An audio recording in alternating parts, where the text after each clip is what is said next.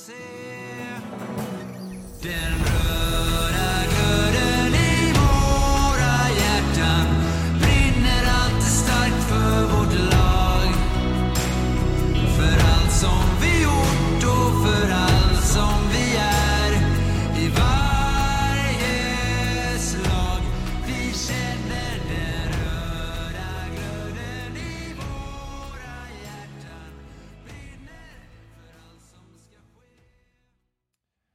Välkomna till podden om Kalmar HC i samarbete med Mad Group International.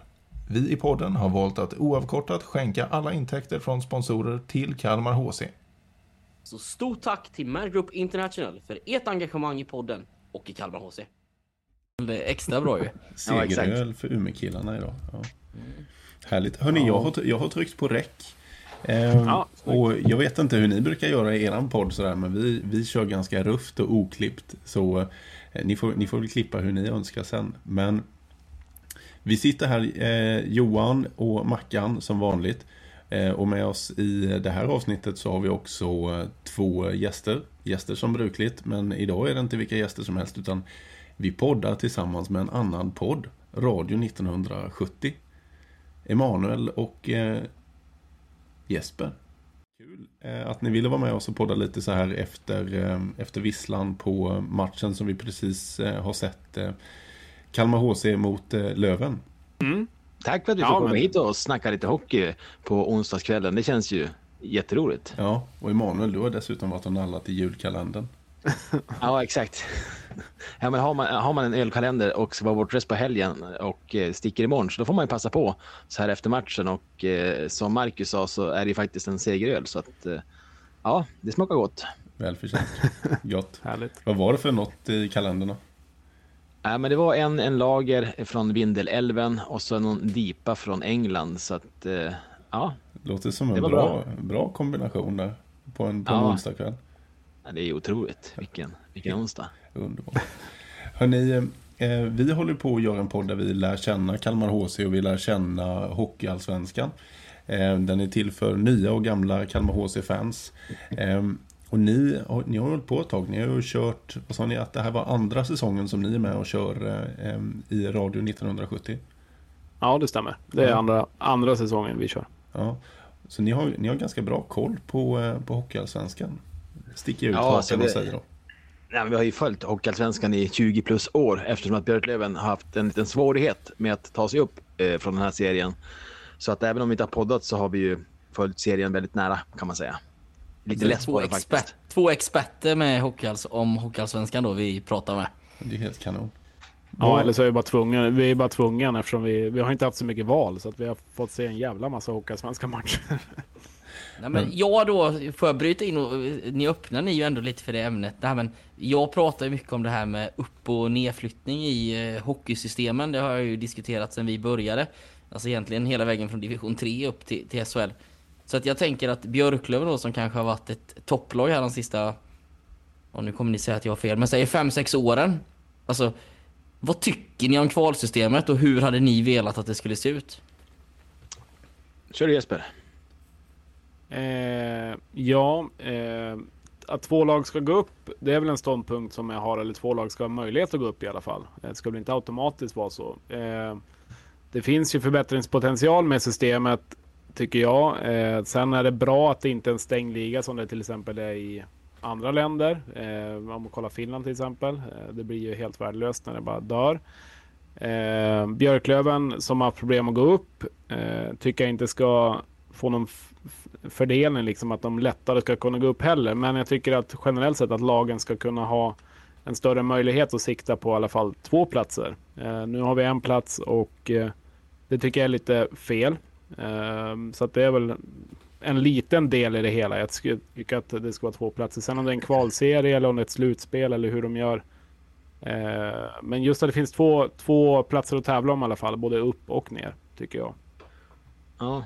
Jag kan ge mitt perspektiv lite kort. Eh, Jag tycker att det här Hockeyallsvenska slutspelet är jätteroligt. Eh, Det har verkligen tillfört någonting. Jag är supernostalgisk över den gamla kvalserien för där den har man så mycket härliga minnen och det var så otro, såna otroliga matcher och liksom slutscenarion. Vi kommer ju bara ihåg i kvalserien från ettan i fjol. Det var ju något i hästväg spännande. Eh, har inte egentligen tilltalats av, jag tycker inte att det är riktigt hockeymässigt med att första laget ska gå direkt upp. För det, har vi liksom, det finns ingen kultur i ishockeyn med, med den typen av uppflyttning. Men jag tycker att det skulle tillföra serien oerhört mycket i serielunken. De här matcherna som vi spelar nu för Björklövens del. Där man tycker att ja, men vi har etablerat oss som slutspelslag. Men, men hade man haft en, en eh, direktplats att spela om, då hade det spetsat till det något oerhört. Eh, Alltså att ettan går direkt upp eller? ja, det hade ju verkligen spetsat till serien. Nej men jag, vi pratade om det med Lars Lindberg här för några veckor sedan. För att jag tycker ju att ettan i Hockeyallsvenskan ska gå direkt upp och den som kommer sist i SHL ska åka direkt ut. Sen hade jag ju någonstans väl ändå vilja se någon form av matchup med den som kanske är näst sist i SHL då. Med de som är, alltså, men då tar vi bort det allsvenska slutspelet och är vi beredda att göra det? Kan inte de spela slutspel med oss istället? Ja, det, är en, det är en Bra bra, den är intressant. Ja, men det, den har jag brunnit för länge. Att de som är näst sist i, i, i SHL, att de ska få kliva in i vårt slutspel i en kvartsfinal för att kunna bygga sig själv också. För om man ser de här playout-matcherna har de varit så otroligt nedgångna i självförtroende och allting. Men att kanske få möta ett eh, ganska dåligt, ja men det blir typ, nu ska jag inte säga dåligt, men det skulle kunna bli ni som får möta eh, Malmö. Alltså vilka matcher hade inte det varit? Och man kan ju då tänka att Malmö hade kunnat bygga upp någonting under ett slutspel och vara rätt bra i en semifinal och en final. Sen så tror jag att det är en väldigt lång väg dit innan SHL-lagen tycker att det är en bra idé. Ja, nej men jag, jag gillar idén skarpt. Det är en jättebra idé. För playout, eh, playouten, den är ju, det är bara ångest. Och det kan vara kul att Eh, titta på ångest eh, om man inte håller på något av de två lagen. Sam, samtidigt är det ju att det är ju där det har varit högst publiksiffror, alltså, eller vad säger man, tv-tittare de sista åren. För att, ja, men, tittar du på kvartsfinalen i Hockeyallsvenskan eller SHL eller tittar du på playouten. Så att det drar ju ändå till sig intresset. Eh, men jag vänder frågan då nu. Det är jag, kul att se vet- folk ha ångest om man är utifrån är det kul att se. Mm. Precis, precis.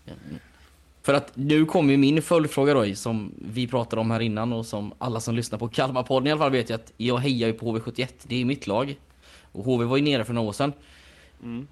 Tycker ni att det blir lite orättvist också och lite svårt för er som har varit i Allsvenskan ganska länge när man får den här fallskärmen? Och fallskärmen är ju byggd för att du ska kanske säkerställa personal på kansliet och föreningen. Men tittar vi på hur HV71, Djurgården och Brynäs gör så lägger man ju allting på spelartruppen. Ja, du kan ta den Emanuel. Men jag har Ja, ganska jag- lik ståndpunkt tror jag.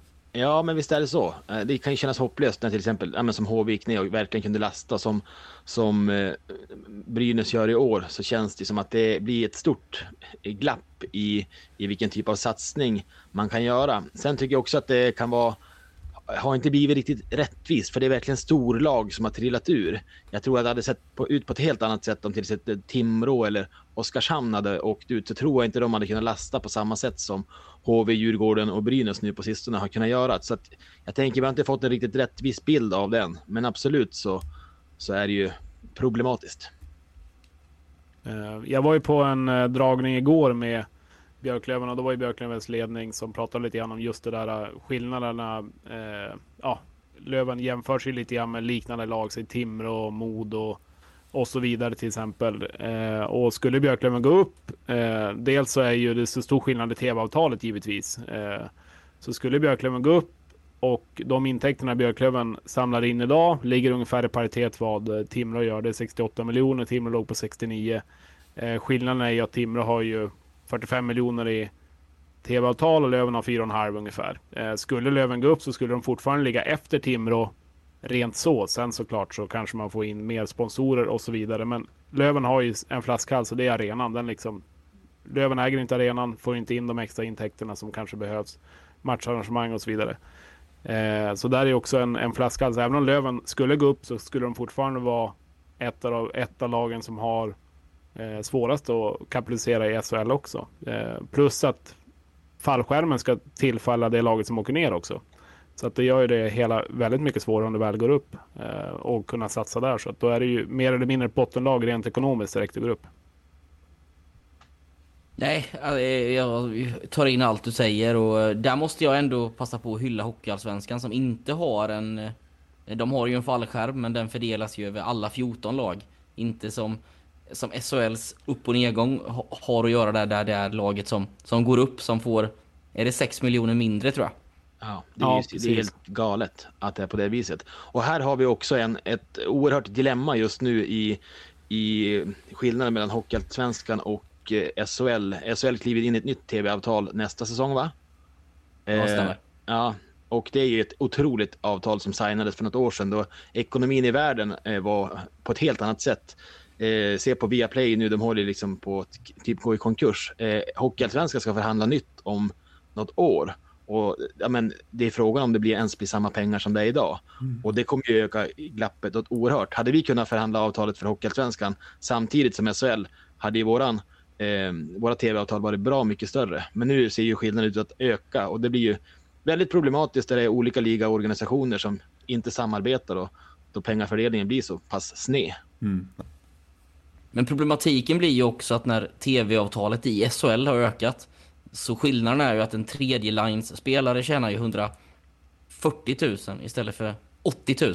Alltså tv-pengarna läggs ju inte mer på ungdomsverksamhet eller på dam eller på att vi ska bygga ett kansli som kanske blir starkare utan du lägger alla pengar du får in mer lägger du på spelartruppen och eftersom precis som vi pratade om att tv-avtalet är så kommer ju gapet också att öka eh, vilket är farligt tror jag för, för Hockeyallsvenskan. Mm. Speciellt då snacket i SHL går om att, att man ska återgå till det gamla kvalsystemet då man ska göra upp två eh, hockeyallsvenska lag mot två eh, SHL-lag head to head. Och med de ekonomiska förutsättningarna så kan man ju räkna ut med rövhålet att det kommer inte gå så bra för de hockeyallsvenska lagen. Eh, nej, eh, nu låter det som att jag bara är på lunchdragningar och så vidare. Men jag var faktiskt på en annan dragning med, med Svenska Hockeyförbundet som var på besök när eh, Björklöven skulle möta Brynäs hemma. Och det var Johan Stark, general, eh, vad är han, generaldirektör på Svenska Hockeyförbundet var och pratade just om det när det ska eh, tas fram ett nytt, eh, nytt eh, vad heter det, upplägg för upp och nedflyttning och eh, han sa väl ganska krasst att SHL de vill ju köra vidare med det som Emanuel sa nu, det gamla där du ska få möta ett SHL SHL-lag och Hockeyallsvenskan de är nöjda och vill köra vidare med det som är idag och det som kommer bli då egentligen är att det kommer eh, det kommer mest troligt att sluta med att de fortsätter med det som är idag. Det blir ingen förändring egentligen. Så att han sa, sin, sin, hans gissning är att det kommer se exakt likadant ut som det gör idag. För om jag förstod det rätt, nu var det Lars Lindberg som sa det när han var med och gästade oss för en vecka sedan, att det är de två valen som man kommer ha att välja på. Att Ja, det finns, man precis. utreder egentligen inte och hittar på något nytt system. Ja, men jag tyckte faktiskt det var ganska, jag har inte hört det innan där du sa att man plockar ner SHL-laget i det hockeyallsvenska slutspelet. Det var ju, jag tyckte faktiskt det lät ganska Ja, intressant. det var refreshing. Det var det. Ja, Kommer tyvärr inte att hända, men det hade varit kul. Alltså. Ja, Vi får- kul. Kampanja här i jul. Ja. Om ni börjar uppe i norr så hakar vi på här nere i söder. Vi lovar. Ja. Nej, nej, men den stora frågan som jag verkligen tycker att alla hockeyallsvenska lag måste kampanja för det är att vi sätter stopp för eh, att det ska kvalas mellan, mellan lagen head to head. Eh, För det kommer inte att funka på, på lång sikt, eh, som sagt med ekonomiska förutsättningar. Där vill ju SHL ändå påtrycka att när det väl var det systemet så var det 1,1 lag per snitt per år som gick upp och nu är det ett lag i snitt som, eller 1,0 som går upp. Så att de vill ju kampanja för att det var Okej. större chans för Hockeyallsvenskan att gå upp. Men nej, jag kan inte riktigt köpa det egentligen. Ett lag mer på tio år då. Ja, precis. Ja, ja den är marginell. Mycket marginell. Hörrni, intressant ämne. Men eh, vi har ett annat eh, intressant ämne som jag tycker vi bara måste avhandla och det är matchen som vi alldeles, alldeles, alldeles Försöker nyss... undvika det så gott det går. Vi har ändå sett den alla fyra gissar jag. Emanuel, du har också sett den? Absolut. Absolut, och Jesper också. Jag missade tre av Björklövens mål när jag höll på i tvättstugan i alla fall. Så jag Ja, men försökte då- hålla mig kvar där. De kom fort. Ja. Ja. Mackan, har du någon liten matchanalys eller? Ja men eh, jag... Eh, jag säger väl att jag tycker att Kalmar gör eh, bra första 20 och sista 20. Och mitten så är ju Björklöven, alltså mittenperioden är de ju klart, klart bättre. Och Björklöven tar en poäng mer än Kalmar för att de är lite spetsigare mot vad Kalmar är. Det är det som är skillnaden då. Sen, nu hoppas jag att ni som hejar på Björklöven fyller i. här. Men om man tittar på Björklöven nu då, nu ser ju inte jag alla matcher. Eh, utan jag ser det lite utifrån. Men det känns som att Björklöven har hamnat lite i det här att men man kommer vara etta eller tvåa och man lunkar på lite och kanske inte riktigt tar det här. Alltså man gör inte det här lilla extra. Och det, så kändes det för mig idag första perioden att Björklöven kanske gick på 95 procent. och då, då är man inte ens överlägsna mot Kalmar utan då är faktiskt Kalmar bättre. Ja, alltså Björklöven har ganska många problem just nu. Vi är otroligt formsvag. Jag tror att de senaste fem sex matcherna så är vi i botten på den här ligan. Eh, så att eh, om det är inställning eller ork eller sjukdom eller spelsystem. Det är svårt att säga vad som är vad. Men jag tycker det är så härligt att se Kalmar i den här matchen. För jag tycker det är så otroligt olika ingångsvärden för lagen. Att Kalmar kommer upp till Umeå och har liksom ingenting att förlora. Man är ny i ligan och, och eh, spelar verkligen som ett lag och för varandra. Och eh, kommer upp, spelar frejdigt, respektlöst. Medan Björklöven ser ut att ha, ha liksom ström i klubborna och eh, har med den här dåliga trenden så otroligt mycket att förlora inför sin ganska kräsna och bortskämda eh, de senaste åren hemmapublik. Eh, och, och med de här liksom parametrarna och Kalmars start så blir det för Björklöven en, en väldigt besvärlig match att eh, hantera. Ehm, så att jag, jag, är, jag är imponerad av, av Kalmar som lag och, och eh, hur ni uppträder tillsammans. Och eh, ja, verkligen. Kul att höra. Ehm, jag, jag hade en annan liten fråga här som jag bara ville skicka med till er. Ni pratade lite grann om eh, Tim Theo Charities i, i ert avsnitt här, var det i, ja, för några dagar sedan som jag lyssnade på igår kväll. Var det någon annan spelare som ni såg idag i de vita tröjorna, Kalmar HC, som ni fastnade för eller tyck, att ni tyckte stack ut på något vis? Ja, men det var väl mer laget, lite som Emanuel är inne på, alltså just hur man spelat för varandra. Det är klart att Engstrand kommer in och gör det ju jäkligt bra eh, i, i kassen. Eh, Kan ha ett eget avsnitt om hans räddning på slutet sen. Ah, shit. Ja, eh, ja den, är, den är vacker, tyvärr. Det är också Men, skönt att han eh, gör en sån jätteplock typ 15 eller 5 sekunder efter också. Exakt. Alltså det är så här, Hasek-variant eller vad han skulle hålla på med. Nej, den är, den är cool faktiskt. Nej, men just eh, lagmaskinen Kalmar var jag imponerad över. Spelade som Emanuel säger som ett lag. Eh, och eh, eh, har, eh, har ju ingen jättenamnkunnig trupp så egentligen, alltså om man kollar spelare på spelare. Men eh, spelar man som ett lag så kan det räcka ganska långt. Mm, nej, men jag tycker också att, att alltså, Theo Charities sticker verkligen ut. Eh, jag tänkte att han, jag har inte sett han så himla mycket i år. Jag tänkte att han skulle vara en ganska naivt spelande offensiv pjäs som lämnade mycket att önska, men, men han kändes ju otrolig, alltså som en liten fältherre eh, i både sitt fysiska spel, i hur han hanterar pucken, men även hur han kunde lösa saker i, i defensiv zon såg han ju majestätisk ut eh, i flera hänseenden idag tycker jag. Ja, jag tycker Jesper Selin var bra också. Eh, ser bra ut där. Eh, Dalroth är bra. Nej, men det är ju det är många spelare som gör en väldigt bra match. Kalmar ska ju vara väldigt nöjd även fast de förlorar. Men nu hade vi med Turda som var en riktig jäkla vinnarskalle så att eh, han är väl inte nöjd såklart för att det varit en förlust. Men, men åka upp till Umeå och ta en poäng, det är starkt. Även om inte Löven gör sin bästa match så tycker jag det är starkt hur man, jag menar över 30 avslut på mål också. Så att, eh, eh, Ja. Väldigt starkt. Jag tycker även att Vetan Väyrynen ser liksom kraftfull ut i sin offensiv. Um...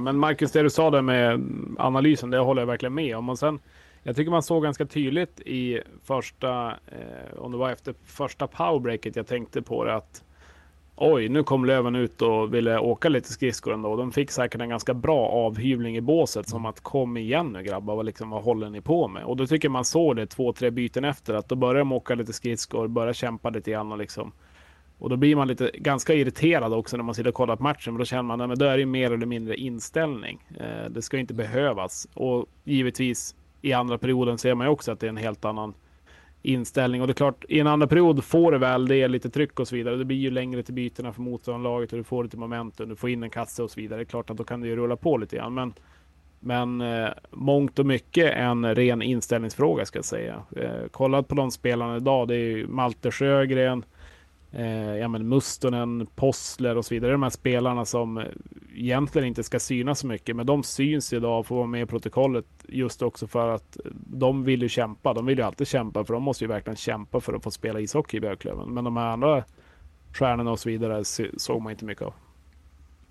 Nej, det är bra summerat och jag sa det här, jag hade uppe min eh, lillebror och så var min tjej också med. Så jag sa det när andra skulle börja att jag sa att nu blir det intressant de första fem minuterna för att nu måste Björklöven köra för att jag tror att det har varit hårt i omklädningsrummet.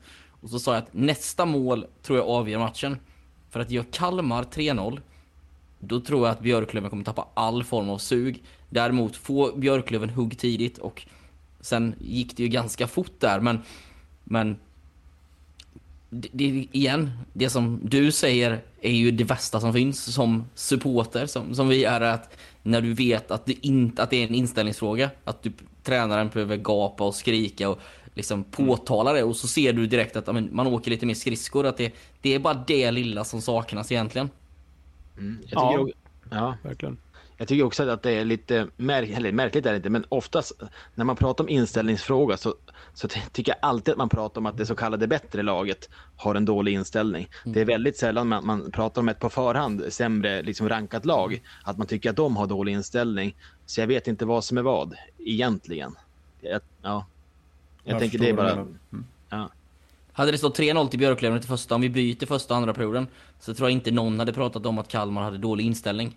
Nej, Utan då hade man pratat om att, att hur bra Björklöven var istället. Ja, lite grann som när det var nere hos er. Alltså, det Mm. var ju, alltså, Björklöven vann ju med stora siffror, men det var inte så stor skillnad i matchen.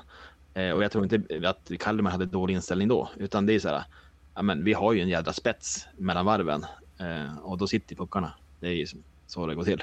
Men får jag vända på frågan lite grann? Ja. Eh, om man ser det ur, ur Kalmars perspektiv, att man kan ju tänka att ja, men ni kanske blir kvar i ligan oavsett för att det finns ekonomi att ta hänsyn till. Men, men, och ni har presterat bra i inledningen, men ligger ju ändå i de nedre regionerna. Hur, åt vilket håll blickar ni som eh, supportrar och ni som följer laget? Är det liksom att försöka kika upp mot plats 10, 9, 8, 7 eller känner man ändå någon slags tryck underifrån att, att det gäller så att hålla, undan, eh, hålla sig undan från de där två bottenplatserna? Tycker om, om, Egentligen från första början så är det ju, alltså egentligen alla har pratat om att med tanke på förutsättningarna man fick platsen i, i början på juli att, men, jag tror att man tittar nerifrån. Eh, alltså blir Kalmar satt på den här, vad blir det, det tolfte platsen så har Kalmar gjort ett fantastiskt år sett från förutsättningarna. Och egentligen, jag tror att målsättningen nu och vad man tittar det är att överleva det här året och sen börja bygga på allvar. Att kanske göra om och göra det här lagbygget från, från april som man brukar göra. Ja. Nej, men för jag tänker att ni vill ju inte vara det. Nu är det ju liksom 11 poängs glapp ner, men det hade varit intressant att se hur Kalmar som lag hade reagerat om det hade liksom börjat krympa det där avståndet och hur man hanterar en sån press om man ändå börjar, om man skulle hamna i en sån kärv situation så hade det varit, för nu har ni ändå gått bra liksom, man bygger på det positiva hela tiden. Men att hamna i, i, i det pressade läget, det är ju, hade varit intressant att se. Sen, sen, sen tror jag fortfarande att, alltså, nu, nu, nu gissar jag liksom, här, men, men spelartruppen, alltså det är 13 spelare som, som hade signat för att spela division 1. Eh, det är, alltså så här, jag tror att alla spelare vi pratade med inför säsongen var ju liksom att ja, men vi ska klara kontrakt, vi ska klara kontrakt. Så att jag tror liksom fortfarande att det liksom är mindgamet att blir de 12 så kommer de vara nöjda. Men det är klart att i dagsläget så är det klart att man vill sikta på en åttonde plats och få play-in-platsen och få hemmafördelen. Det är ju Ja, klart. självklart. Och jag menar, jag tycker Torala var glasklar när han var med er också. Han vill absolut inte kännas vid något grattis till tiondeplatsen. Ja. Eh, verkligen inte liksom. Eh, och det, det tror jag personifierar Torala eh, rakt igenom, Ja. den, ko- den kommentaren. Och jag tror att det är det som pågår i, i deras omklädningsrum. De, de kommer jäkligt förberedda till varje match och gör sitt absolut yttersta. Oavsett om det är Löven borta eller om det är Tingsryd hemma. Så det, det är tre poäng som är värda lika mycket. Det är klyschor och så vidare. Men eh, jag, jag tror inte överhuvudtaget att man pratar om att och, och hålla Västervik och eh, Östersund bakom sig. Inte det minsta. Nej, det var ju jävligt härligt att höra han. Alltså vilken härligt tjurig eh, vinnarskalle liksom. Jag, jag fattar verkligen att det är ett, ett tävling där och eh, det har väl aldrig varit så nersnackat lag inför en, inför en säsong. Alltså en, en sån som Johan Svensson, Mr Maddock, han har ju ändå ett stort liksom eh, stor megafon i Hockey-Sverige och när han sågar laget så pass som han gjorde inför säsongen så får ju det stor genomslagskraft. Eh, och jag tänker, det var ju som Per Kente sa då Asplöven var uppe, att det blir som bara bensin på elden för er att, att få något sånt att eh, liksom ta, ta spjärn ur. Verkligen, verkligen. Så är det. Johan Svensson sa väl att det var den sämsta hockeyallsvenska truppen som någonsin har spelat i hockeyallsvenskan. Och alltså... Det, det blir ju lite speciellt. Mm, Och det kanske det är, men det är fasen inte det sämsta laget. Nej. Ja, men, och det, det får man också så här, det, det, jag vill lyfta på hatten för Torola. Nu satt ju vi med han inför säsongen i ett eh, det skulle vara 30 minuter men blev en och en halv timme så det, var, det blev ett, ett långt snack. Men han pratar om att vi ska spela hockey på exakt samma sätt som vi gör i division 1. Vi ska inte komma upp och förändra vårat sätt att spela hockey. Och mm. eh, jag som har varit lite hockeytränare tyck, tänkte väl att ja, ja, det blir lite naivt. Men de kör ju verkligen på samma sätt och det, det är liksom så här, det är noll respekt och verkligen säga att men här är vi. Och inte komma upp och försöka försvara sig kvar som hade kunnat vara det naturliga med tanke på förutsättningarna som blev lite speciella utan där måste jag också faktiskt på hatten och vara lite imponerad över Kalmar. Ja, verkligen. Vi ser väl likadant, likadant en serie upp eh, på Modo. Kör ju egentligen ganska mm. Ganska likadant spel som de gjorde i Hockeyallsvenskan. var väl lite samma snack där också. Men de, de tror ju på sin egen spelidé och eh, kör ju lite grann efter det. Så att, eh, det är klart samma tränare också givetvis. Men eh, ändå eh, ganska oblyga kommer att ta för sig. Liksom. Jag måste vända tillbaka till frågan när vi liksom har det på tråden. Eh, jag tänker Kalmar är ju en, ändå en relativt ny hockeystad eh, och eh, har en ny fin arena. Hur byggs intresset och supporterkulturen hos er just nu? Ja, men det blev ju lite bananskal in där i eh, Hockeyallsvenskan i juli månad. Så jag tror inte riktigt, eh, och det är ju därför den här podden föddes. Det var ju för att jag som gillar hockey ville börja konsumera liksom Kalmar HC. Men det var en division 1-förening eh, som gjorde sitt absolut yttersta för att förbereda sig på kansli och med trupp och, och allting för Hockeyallsvenskan. Man hade liksom inte möjligheten att börja producera content på det, på det viset. Så jag tror att eh, det kan nog ha gått förbi många där i eh, under semestern, juli, augusti, att vi faktiskt hade fått ett Hockeyallsvenskt lag till staden. Och rätt vad det var så var det september, det var seriepremiär, det var ungefär 14-1500 på läktarna. Men nu är det 2000 på läktarna. Hallen tar två och ett halvt. Det har varit lapp på luckan när Djurgården varit här, när Brynäs har varit här. Eh, det är derby mot Nybro nästa vecka. Derbyt sålde slut på bara några minuter. Så det känns ju som att eh, samtidigt som Kalmar HC har spelat bra också eh, så har liksom det har börjat bygga. Vi har pratat om det många gånger i, den här podden, men det bygger. Absolut. Jag tänker att det måste vara som hand i handske att Nybro gick upp samtidigt. För att, eh, alltså inget ont om Tingsryd, men det är ju lite ett annat drag runt Nybro Hockey. Och att kunna få sparra mot en sån eh, liksom, hockeystad, det måste ju vara perfekt Absolut. för Kalmar. Absolut. Jag. Gillar ju inte varandra direkt. Nej, det gör de inte. Och vi, vi nej, det kan vi vara helt överens om. Ja, nej, men vi ställde oss den frågan många gånger där i början när vi poddade. Är det bra eller är det dåligt på den här lilla, lilla eh, sydostmarknaden att ha så tätt med hockeylag? Vi har Västervik, upp, vi har IK Oskarshamn, vi har Kalmar HC och så har vi Nybro eh, Vikings bara i Kalmar län. Och sen har vi Tingsryd bara några mil bort. Liksom. Är det bra eller Växjö. dåligt? Växjö, precis. Så är det bra eller dåligt? Men man, alla vi har pratat med är väl egentligen eniga om att det är jättebra att vi har gått upp Det är samtidigt. helt sjukt egentligen alltså. Det är ju... Det är på min, jag... yta mindre än Västerbotten. Ja. ja. men jag vet inte. Jag såg någon match med grabben. Han är ju sex och så bara, ja men vart, han brukar alltid fråga, vart är det här laget ifrån och hit och dit. Och så jag bara, ja men de är från, ja Småland. Och så hör man ju dottern bara, är de också från Småland? Typ att varje gång man frågar vart något lag är ifrån så är det alltid Småland liksom. Ja, det är många lag är det absolut. Men... Mm. Ja men för att göra det ännu mer speciellt med Småland så är det så att om du tittar på SHL så är det ju Oskarshamn och HV71 som är på playout från Småland. Och sen har du ju ett par division 1-lag från Småland som också kommer spela allettan så att om vi nu så skulle lägga det nu så är det inte alls möjligt att vi skulle kunna ha fem eller sex hockeyallsvenska lag från Småland nästa år. Ja. ja. Leven ska inte ta en poäng på bortaplan den säsongen. ja. Det blir inte en sån roadtrip över, över fyra dagar. Det blir en sån roadtrip på, i NHL som man är borta i två och en halv vecka istället. Men om, om vi vänder tillbaka på frågan då. Eh, supporterkulturen uppe i, eh, uppe i Umeå. Eh, ni sa att ni har varit 22 år i Hockeyallsvenskan. Hur, hur, hur påverkas det? Är det fortsatt starkt stöd eller är det någonting som kommer och går? Eh, nej, men det är väl jättestarkt ska jag säga. Eh, sen eh, kanske om man kollar rent nitiskt på publiksiffror och så vidare så kan det kanske alltid bli bättre. Men eh, Björklöven säljer ju ungefär en 3000 årskort eh, på sittplats och eh, har ganska bra mycket på ståplats också. Så att eh, det är ett jätteintresse kring Björklöven, rent partners och supportrar. Och jag är Emanuel som har varit med ganska länge men Björklöven var i division 1 en sväng till exempel och hade ju ändå en 2 500-3 tusen på läktaren där. Vi kunde möta typ Clemensnäs hemma, Boden hemma och så vidare. Men stor fanskara och eh, Björklöven är ett klassiskt lag med stora, stora meriter på 80-talet bland annat och eh, det är mycket fans runt om i hela Sverige som, de hejar på Löven sedan dess också. Så att, eh, väldigt starkt ska jag säga. Eller vad säger du Malin?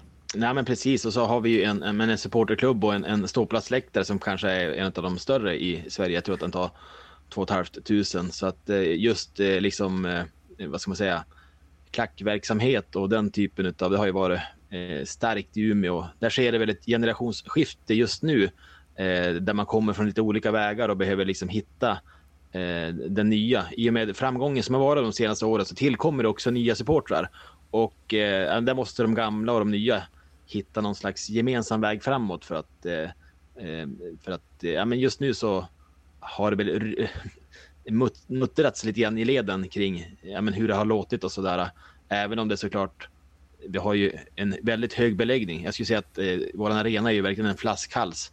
Eh, det finns en beläggning som är upp mot 90 procent och eh, det är svårt att, ja, men är man ett gäng på fem sex stycken, då kan man nästan inte hitta sittplatsbiljetter så man kan sitta bredvid varandra för att det är så pass så pass utsålt. Och eh, jag menar, det säger sig självt att det blir besvärligt. Ehm, så att, eh, nej men en, en väldigt eh, gedigen supporterkultur och supporterhistoria som, som är redo att eh, växla upp den dagen vi får, får större faciliteter och kanske får spela i en annan liga. Ja. Finns det planer för att göra om arenan och göra den större eller?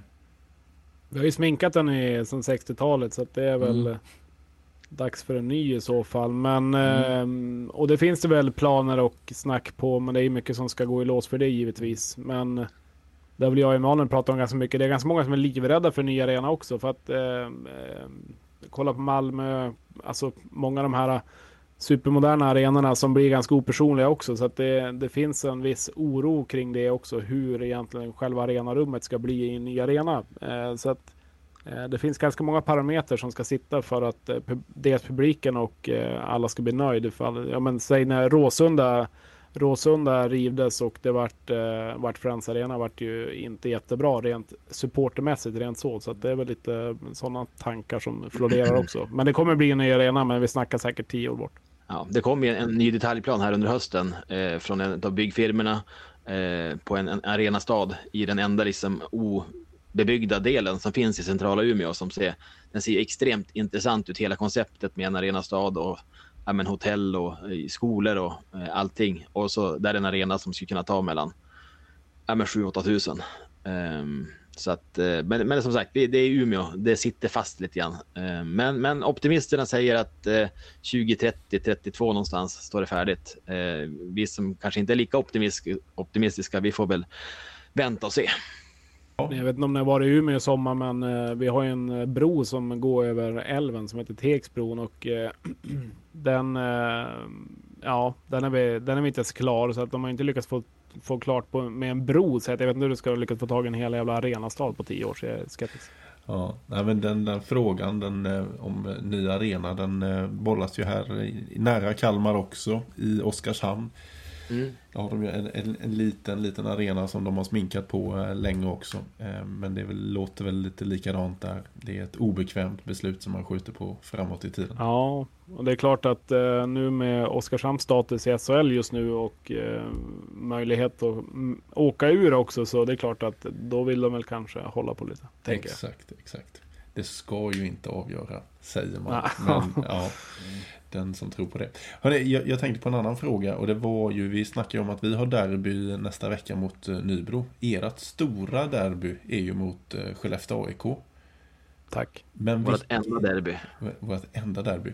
Du, du, kanske min följdfråga faller lite platt. Vilken match känner ni ändå mest för i Hockeyallsvenskan? Så som den ser ut idag. Alltså för, för våran del? Ja. Eh, ja, eh, jag vet inte. Alltså det ska väl vara mm, kanske rent intresse Brynäs så, men det finns ju ingen känslor på något sätt. Mm. Eh, var Modo lite det innan de gick upp? Jo, absolut. Nej. Men alltså att det var känslor. Men det var ju mer, eh, det var väl mer lite påbyggt så. Eh, Det var mer hockeyfest tycker jag. Alltså, Jo, det var jävligt roliga matcher, men det var väl den matchen man ville vinna om vi säger så då. Eh, nu vill man ju vinna alla matcher, men det är ingen match jag känner sådär att jag ringar in i kalendern och tänker fan vad jag längtar efter den matchen. Det, det känner jag inte riktigt. vi har mött Västerås nu två år i rad i kvartsfinal. Eh, Ja, men där brukar det bli lite hett ändå. Ja, men det finns ju ingen rivalitet på något sätt. Nej. Nej, jag känner fasen ingenting för något lag i den här ligan längre. Rent sådär rivalitetsmässigt, nej. Eh, Matcherna mot Modo de tycker jag var jättekul för det var speciellt i början när Modo trillade ut där de inte hade någon publik. Då kunde vi komma ner med 1500 med supportrar och liksom ta över den arenan. Sen så liksom Ja, det var faktiskt magiskt. tog de sig i kragen till slut och började sälja ut hallen själva. Eh, Så på slutet var det inte på samma sak. Nej, men det är, ju- det är Skellefteå, det är ju det man drömmer om givetvis. Men det kommer väl bli någon, någon dag och det blir roligt när det väl händer. Men annars som Emanuel säger, idag så är det väl egentligen ingen match som man sådär... Alltså rent känslomässigt. Och det är ju det det, är det, det handlar om i idrott. Och det är ingen match sådär som sätter pulsen innan ens matchen är igång, om man säger så. Nej. Eh, liksom man går och tänker på, på dagen och liksom hur ska det här gå hit och dit. Ja visst, det är slutspel. Alltså, men just möta och verkligen vinna mot en motståndare. Nej, det finns nog ingen jag känner för. Det ska jag inte säga. Nej. Vi går ju verkligen och taggar här inför eh, nästa veckas eh, derby. Den, Mm. den matchen har verkligen derbykaraktären. Som du var inne på tidigare Jesper. Det, de gillar inte precis varandra, Vikings och Nej, HC. men det är ju kul. Jag menar fikarummet. Det är någon som är på Nybro, någon på Kalmar. Liksom. Man vill inte prata med varandra. Liksom. Man kanske undviker varandra i toakön och kaffekön. Liksom, och så här. Alltså, att det blir lite såna här grejer. Det är ju det som är roligt. Liksom. Man, dagen efter, eh, den som väl har förlorat kommer fan inte till jobbet för att de vill inte ha någon kommentar. Liksom. Att det, det blir på den nivån. Det, det är ju då det är roligt. Liksom. Jag håller med, helt och hållet. Hur är det att komma som borta supporter till Kalmar? Hur ser borta stå ut och sådär?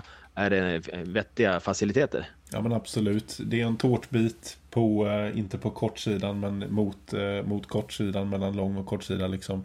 Eh, man ser jättebra därifrån. Arenan är ju, den är ju ny liksom så det är Mm. bortastå har inte lämnats till slumpen på något vis. Utan, Och det är inte på samma sida som era supportrar? Nej, det är det inte. Utan Nej, de är nej. direkt motsatta förhållanden mot varandra. Så det, det är en lång distans emellan. Så den är Kul. bra. Den är, den är De är, jättebra. varsitt, de är i varsitt hörn kan man säga, så att de är inte eh, kortsida kortsida utan eh, lite mer mot, fast Ja, de blir det. ändå rätt emot varandra Ja, då. Och drygt 450 platser tror jag, så den är ganska stor också. Eh, Fast, jag tycker det är så sjukt roligt att man tar det, det perspektivet när man bygger en arena. Att fatta att ett, ett borta supportrar det bygger så otroligt mycket även för hemmasupportrarna där man får den här interaktionen och rivaliteten. Så att eh, ja, all cred till de som tänkte till där. Mm. Ja, det ska bli kul att se den nästa, nästa vecka. För den kommer vara knölfull med Nybro Vikings supporters. Så väldigt, väldigt mycket fram emot det. Eh, vad det ska bli för match och vad det ska bli för temperatur i hallen. Det blir Ja, mitt, men det det blir mitt första derby. Och ditt första derby också vad man kan. Absolut. Ja. Hur är, Ja, hur är känslan inför matchen då? Ja, Vi vann ju derbyt eh, som var i, i Nybro. Eh, och det var ju jäkligt gött. Eh, Riktigt, riktigt gött. Och jag tror känslan just nu, alltså efter att ha sett matchen här idag så känns det som att ja, men, form och så finns där. Eh, Vikings kanske knackar lite grann mer just nu. Vi har ingen superform heller. Vi går i någon slags varannan match-tempo just nu. Vinner varannan, förlorar varannan. Men Ja, men det, det pratar vi med Viktor om där också. ja, så var- jag så. tror att det är väldigt öppet. Jag tror helt enkelt att det kommer vara det här med inställning som vi pratade om tidigare. Det är det som kommer att avgöra. Det är väl ännu tydligare. Sen tror jag också det kan vara att det är laget som kan kontrollera känslorna bäst. Eh, Johan, du har ju gjort ett citat här efter Viktor eh, Turlas intervju där inför matchen när han stod och pratade om att det är personligt det där så är det så att det finns inte en hund begravd sen förra årets kvalspelare utan det är som Johan har myntat att det är en hel kennel och vi försöker ju fiska lite när vi har spelare som gästar men det är, det är locket på så det är någonting som ligger och spänner som eh, vi vi hoppas vi ska få ut någon gång. Ja, vi, man, man hör väl lite vid sidan om och sådär. Men det, ja, det, det finns, det finns mycket, mycket hundar begravna mellan Nybro och Kalmar, så kan man väl säga. Fasen vad härligt att höra, men man blir nästan lite avundsjuk och får lite puls av att höra ert snack här. Jag förstår att det blir en, en häftig match där på Lucia-kvällen är det väl? Ni är hemskt, hemskt välkomna att, komma ner. Det, det Ja, löser det vi. är, det är så nära till hands att... Vi ska faktiskt, vi ska faktiskt podda eh, hela eftermiddagen. Eh, I arenan träffa lite olika folk inför matchen och sedan så ska vi ha podd i varje periodpaus också. Eh, med lite gäster. Eh, bland annat så, så kommer ju eh, den gamla Skellefteå AIK-keepern Marcus Svensson att vara med oss. Det kanske, kanske inte Löven-fans jublar över, men han bor ju, han är från Kalmar och, och bor här, så han kommer vara med. Så mm. det, blir, det blir inte bara derbydag, det blir podddag också. Så det ska bli skitkul verkligen. Ja, roligt. Mm. Kul. Hörni, jag tänker på en annan sak. Eh, eh, serien som den är nu, vi är inte riktigt halvvägs, men nästan halvvägs. Eh, ni som har mycket erfarenhet av Hockeyallsvenskan, vilka lag tror ni kommer att vandra uppåt respektive neråt? Tabellen har ju satt sig, men det kommer alltid finnas någon form av transport på några lag uppåt och neråt. Ja, jag tror bara lag kommer vandra uppåt. känsla. Eh, Djurgården kommer vandra uppåt, ja. eh, absolut. Almtuna, eh, Tingsryd och Kalmar kommer att... Eh, inte, det blir inte så stor rörelse där. Men jag tror inte de kommer röra sig någonting uppåt. Det tror jag att är det något lag så är det kanske Karlskoga som jag tycker har en trupp som borde kunna kunna röra sig lite grann uppåt. Annars tycker jag att den har skiktat sig ganska bra. Eh, skulle Nybro också trilla ner till under Djurgården AIK om man ser hur, hur det är idag. Så då tycker jag att serien ser ut som den borde göra. Ja, det kommer nog inte hända så där överdrivet mycket. Det är klart det är ganska tajt mellan vissa placeringar och sådär, alltså om man kollar rent tabellmässigt. Men Djurgården som Emanuel är inne på, de har också en fin trend. Har ju verkligen börjat hitta sitt spel. Så att där lär det ju hända saker och ting. Men eh, några överdrivna skikt kommer det egentligen inte bli. Alltså kolla i botten, Östersund till exempel har ganska mycket pengar uppe också. Så att eh, det kommer inte hända överdrivet mycket. Om vi skulle ta en print på tabellen idag och eh, kolla när det var 52 omgångar. Det är klart att det kommer vara förändringar, men det kommer inte skilja någon många placeringar, tror jag inte.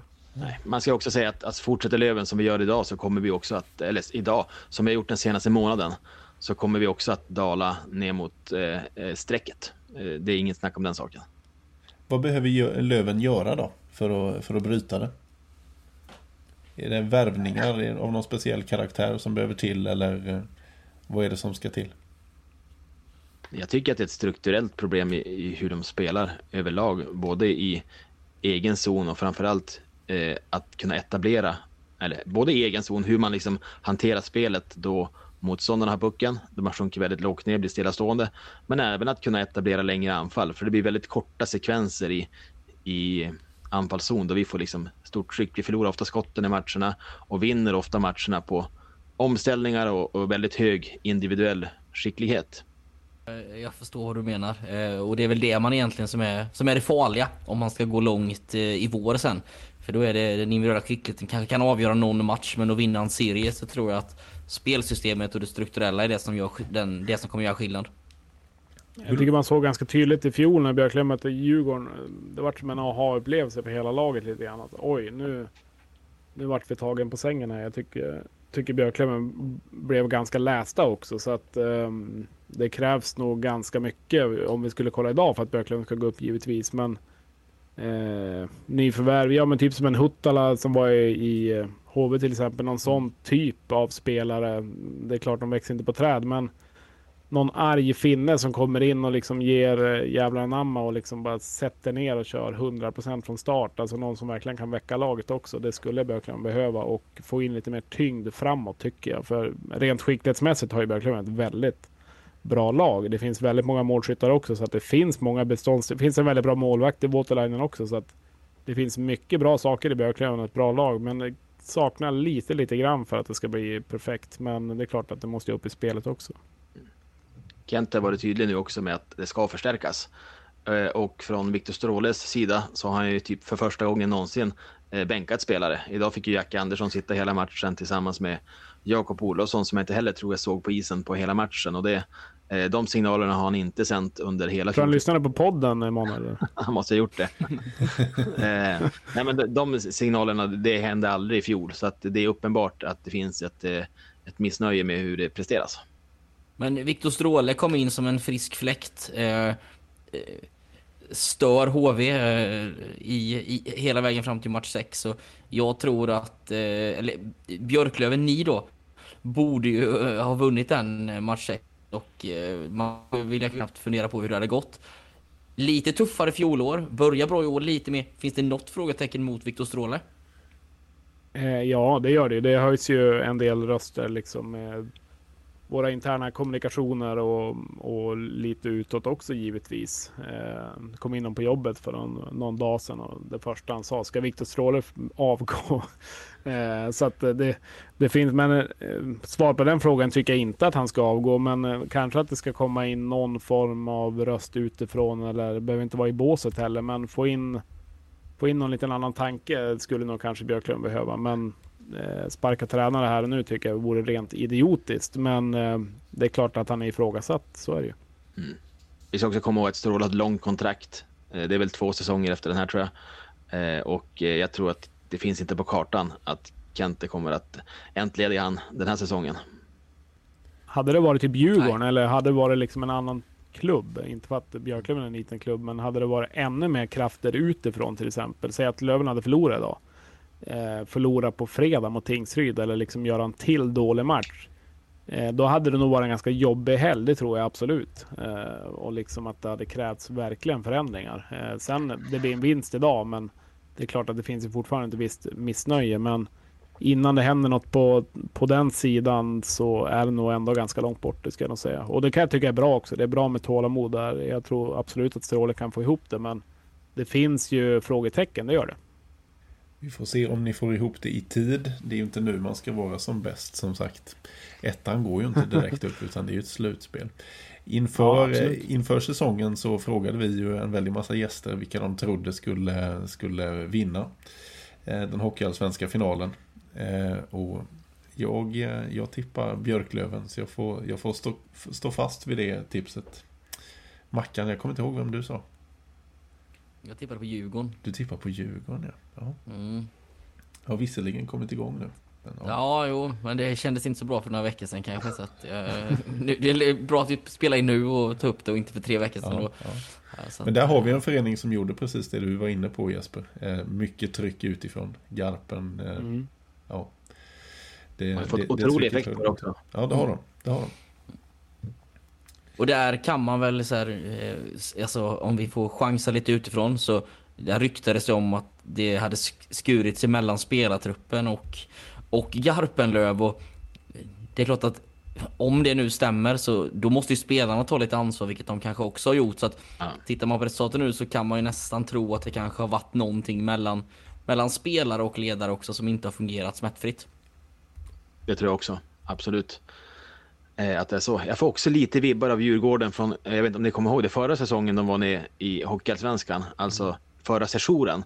så hade de ju ett liknande eh, upplägg där de satsade väldigt hårt första året, misslyckades och gick väldigt knackigt andra året tills de sparkade tränaren. Och då var det ju Hans Särkijärvi som ryktades in även den här gången, som kom in eh, och med ett ungt lag och några rutinerade eh, rävar tog upp det gänget och gjorde verkligen en sån här push. Så att, ja, jag tycker det finns likheter med den säsongen även nu. Men hoppas såklart att de ska snubbla på vägen. Av rent egoistiska skäl. Ja. ja, det vore kul att se Löven, eh, ja. Löven mot AIK i, eh, i SHL-derby. Det skulle vara sjukt kul. Skellefteå alltså? Ja, precis. Absolut. Jättekul att snacka hockey. Vi får skicka ett stort eh, lycka till till derbyt här till veckan. Hoppas att det går bra. Det tackar vi så hemskt mycket för och eh, lycka till uppe i, uppe i norr också. Hoppas ni eh, kommer upp på banan och är redo till slutspelet sen. Ni är ju min slutspelsfavorit. Ja, det, det tackar vi för. Och god jul på er. God jul. Du, tack detsamma. tack för idag. Hej. Hej. Hej. Hej då.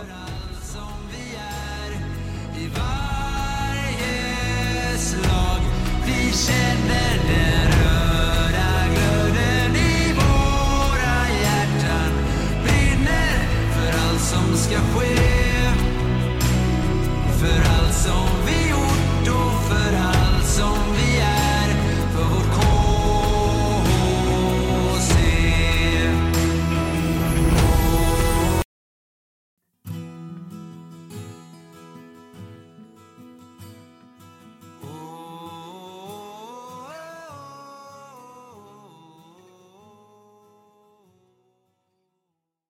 Podden om Kalmar HC görs numera i samarbete med Mad Group International. Och precis som vi sa innan så har vi valt att efterskänka alla våra intäkter till Kalmar HC. Stort tack Mad Group International!